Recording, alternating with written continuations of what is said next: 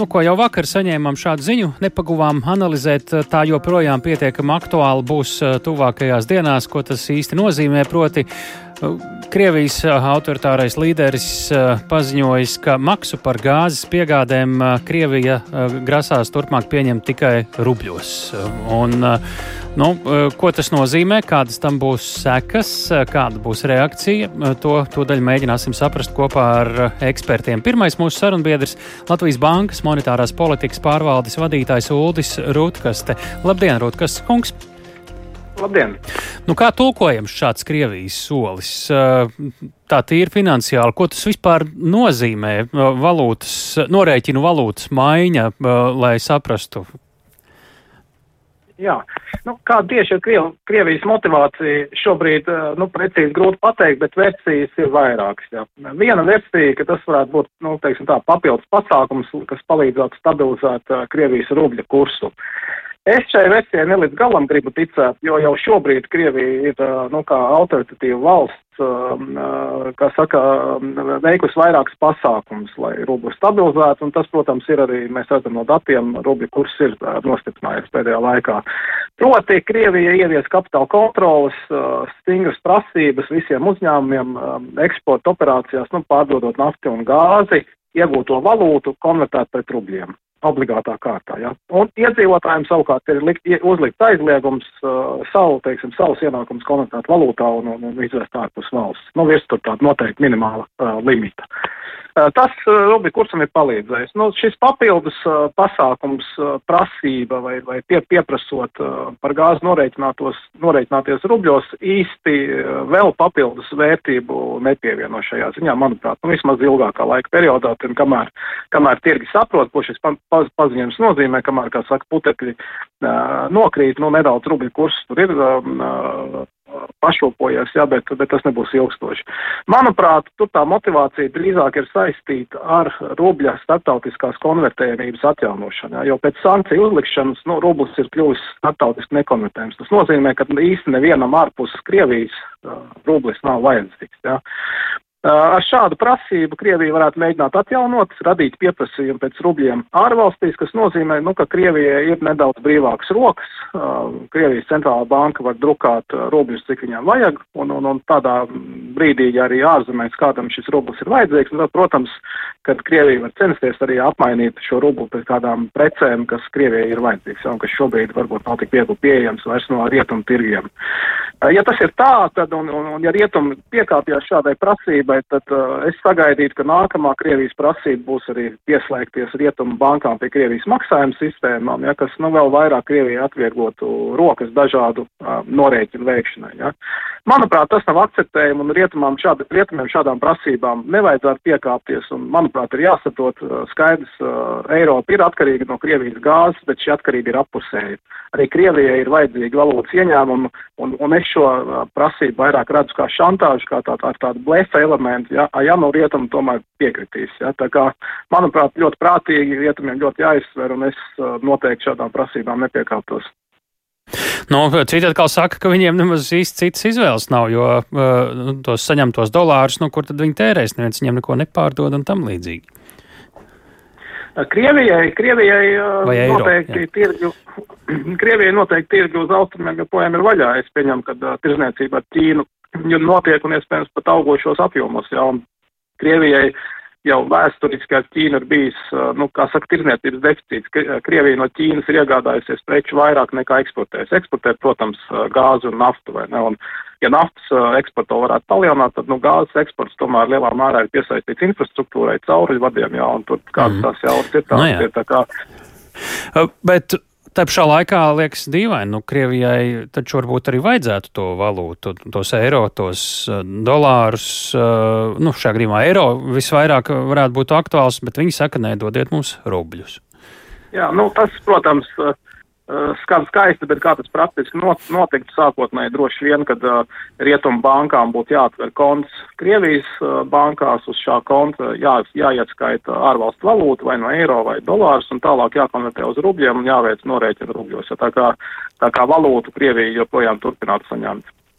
Nu jā, nu, nu te arī, protams, nu, es nezinu, cik daudz jums var pajautāt, jo jūs esat uh, vairāk monetārās politikas speciālists nekā politologs un ģeopolitikas speciālists, bet uh, nu kā tad šobrīd būtu jārīkojas? Tie putekļi ir nosēdušies un jau parādās kaut kādi varianti, uh, nu, kas notiek tad, ja rietumi pasaka, nu nē, ne, nemaksāsim mēs jums nekādus rubļus. Nu, Tīri faktiski, kā tas notiek, tam būtu jānotiek caur noslēgto līgumu maiņām, korekcijām. Tas, kā Kalvīša kungs šodien ir paziņojis, ka līgums nekādu jā. citu valūtu kā eiro neparedz, un viņš neredz jā, iespēju maksāt rubļos.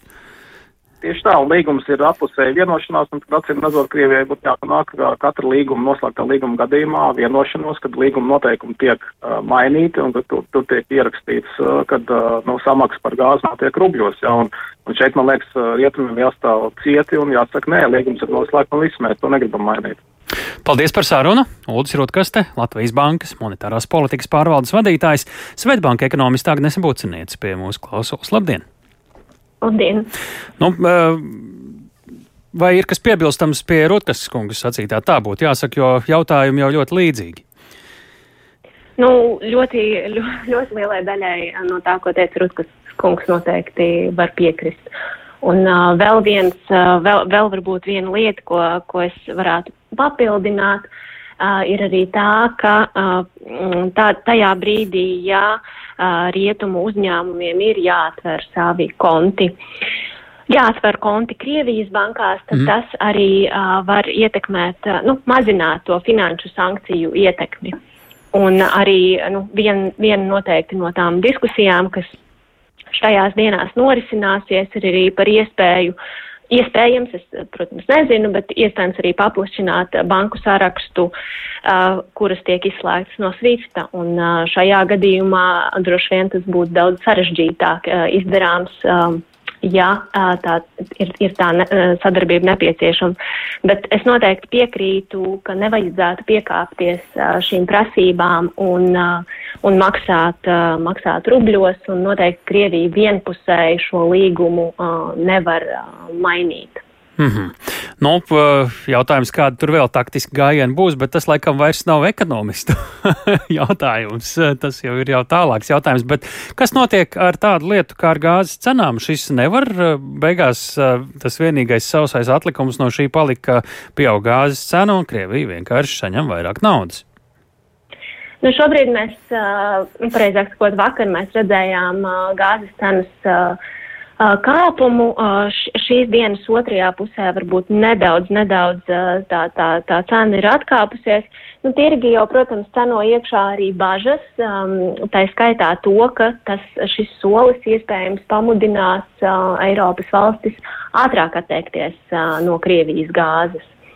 Uh, bet uh, nu, ir, arī, ir arī tādi viedokļi, ka, ka, ka Putins uh, īstermiņā grib pacelt pat tad, ja domā, ka um, uh, rietumi nepiekāpsies šīm prasībām, tad vismaz īstermiņā uh, tad tas, uh, tas ceļ gāzes cenu. Respektīvi, pietiek pateikt divus teikumus visai pasaulē, un tas jau ieripina Krievijas maciņā vienu otru miljonu, miljārdu, nu, es tur nezinu tik labi tos lielumus, bet noteiktu summu.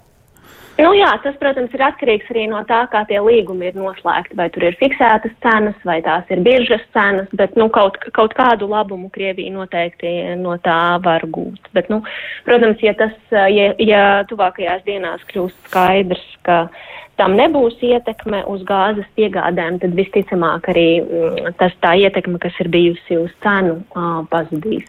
Nu, jāsaka tā, naftas resursi šobrīd pasaulē daudz ir tādu valstu, nu, kur ir nafta un nav īpaši nekādas lielas demokrātijas. Vai šis nevar kaut kādā veidā, vai, un vai ir alternatīvas tam, kā norēķināties par naftu, ne par gāzi mēs runājam? Uh, šeit nu, ir kaut kādas cita veida norēķina sistēmas, kur šādi, nu, lai izvairītos no tādiem riskantiem, faktiski politiskiem paziņojumiem, tas varbūt nav vienīgais veids, rubļi, eiro, ir arī varbūt kaut kādas citas sistēmas?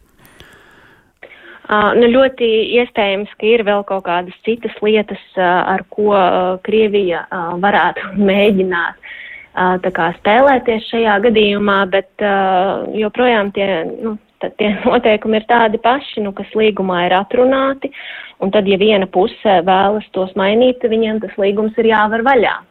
Mm. Un, Bez otriem un to nevar. otrs- Tieši tā. Šobrīd tā situācija ir tāda pata situācija kaut kā, jo Eiropai gāzi vajag, Krievijai vajag līdzekļus, bet Eiropa nevar arī tā vienkārši pateikt, šobrīd gāzi mēs vairs no Krievijas rīt vairs nepērkam, jo nav jau to citu piegādes ceļu šobrīd. Vai šobrīd, skatoties uz situāciju tirgu, tiek paredzēts, kad Eiropa varētu sākt pateikt, uh, nu, sakiet, ko gribat, uh, mēs esam jau pietiekami neatkarīgi. Nu, to ir grūti pateikt. Nu, tas viens no uh, paziņojumiem ir, ka pa divām trešdaļām jau līdz šī gada beigām samazināt, un, protams, ka uh, notiek investīcijas. Tā, tā pati Vācija ir paziņojusi par divu sašķidrinātās gāzes termināļu būvniecību. Mēs tepat Latvijā domājam par to, kā palielināt to caurlaidību, kas ir no, no, no Lietuvas uz Latviju, lai varētu vairāk izmantot klaipēdas terminālu. Un tas viss, protams, palīdz. Tā lielākā bažas laikam ir tāda, vai vispār pasaulē pietiek tās sašķidrinātās gāzes, um, nu, apjomi, uh, lai Eiropa varētu apgādāt. Un tad tur jau jādomā par citiem, citiem nezinu, tās pašas elektrības ražošanas avotiem, kas ir nu, Mhm. vairāk dabai draudzīgi un mazāk atkarīgi no tādām politiskām spēlēm. Nu, un kā tie, kur seko līdzi šim pavēr, pavēr, vakardienas sākušajam pavērsienam pēc Putina paziņojuma par norēķiniem ar gāzi rubļos, kad tie putekļi, kā Rutkas kungs, Rutkas kungs sacīja, varētu būt nosēdušies un kad varētu būt zināma skaidrība par to, kā tad tas viss ir nu, atrisinājies. Es domāju, ka vispirms mums ir jāgaida uh, kāda oficiāla reakcija no uh, Eiropas uh, puses. Nu, vai pareizāk sakot, no, šo, no šīm tā Maskavas nosauktajām nedraudzīgajām valstīm, uh, ko tad, uh, kā viņi uz šo reaģē arī, ko uh, būs, no, kas kādu lēmumu tiks pieņemti Briselē, tā arī zināmā mērā noteikti būs kaut kāda arī komunikācija atbildot, atbildot uz šo neseno Putina paziņojumu. Un, nu, tas, ko Putins ir noteicis, ka valdībai un centrālajai bankai nedēļas laikā ir jātiek skaidrībā, kā to var praktiski īstenot. Un tad Gazproms jau ieta pie, pie saviem līguma partneriem un mēģināt to līgumu grozīt. Nu, tad attiecīgi tajā brīdī, kad tie notikumi jau aktīvi risinātos, tad mēs arī redzētu, nu, vai, vai, tas, vai tās ir Uh, nu, ko, principā, jā, ļoti atkarīgs no tā, ko darīs Eiropa. Un ja Eiropa stingri pastāvēs pie tā, ka rubļos tomēr nemaksāsim, uh, tad ir atkal nu, jautājums, nu, ko, darīs, uh, ko darīs Putins. Nu, jā. Uh, vai tas būs, uh, nu, līdz ar to daudz. La, Latvijas gadījumā šeit ir uz Latvijas gāzi jāskatās. Droši vien kāda būs tā atbilde. Nu, te mēs Jā, esam nu, saņēmuši pirmo ir- signālu, ka nu, kādi rubļi mums ir eiro līgums. Jā, tieši tā. Un uh, vairākas valstis jau ir uh, reaģējušas uh, līdzīgi Eiropā. Lielas, liels paldies par sarunu. Svetbanka ekonomista Agnese Buciniece pie mūsu klausulis.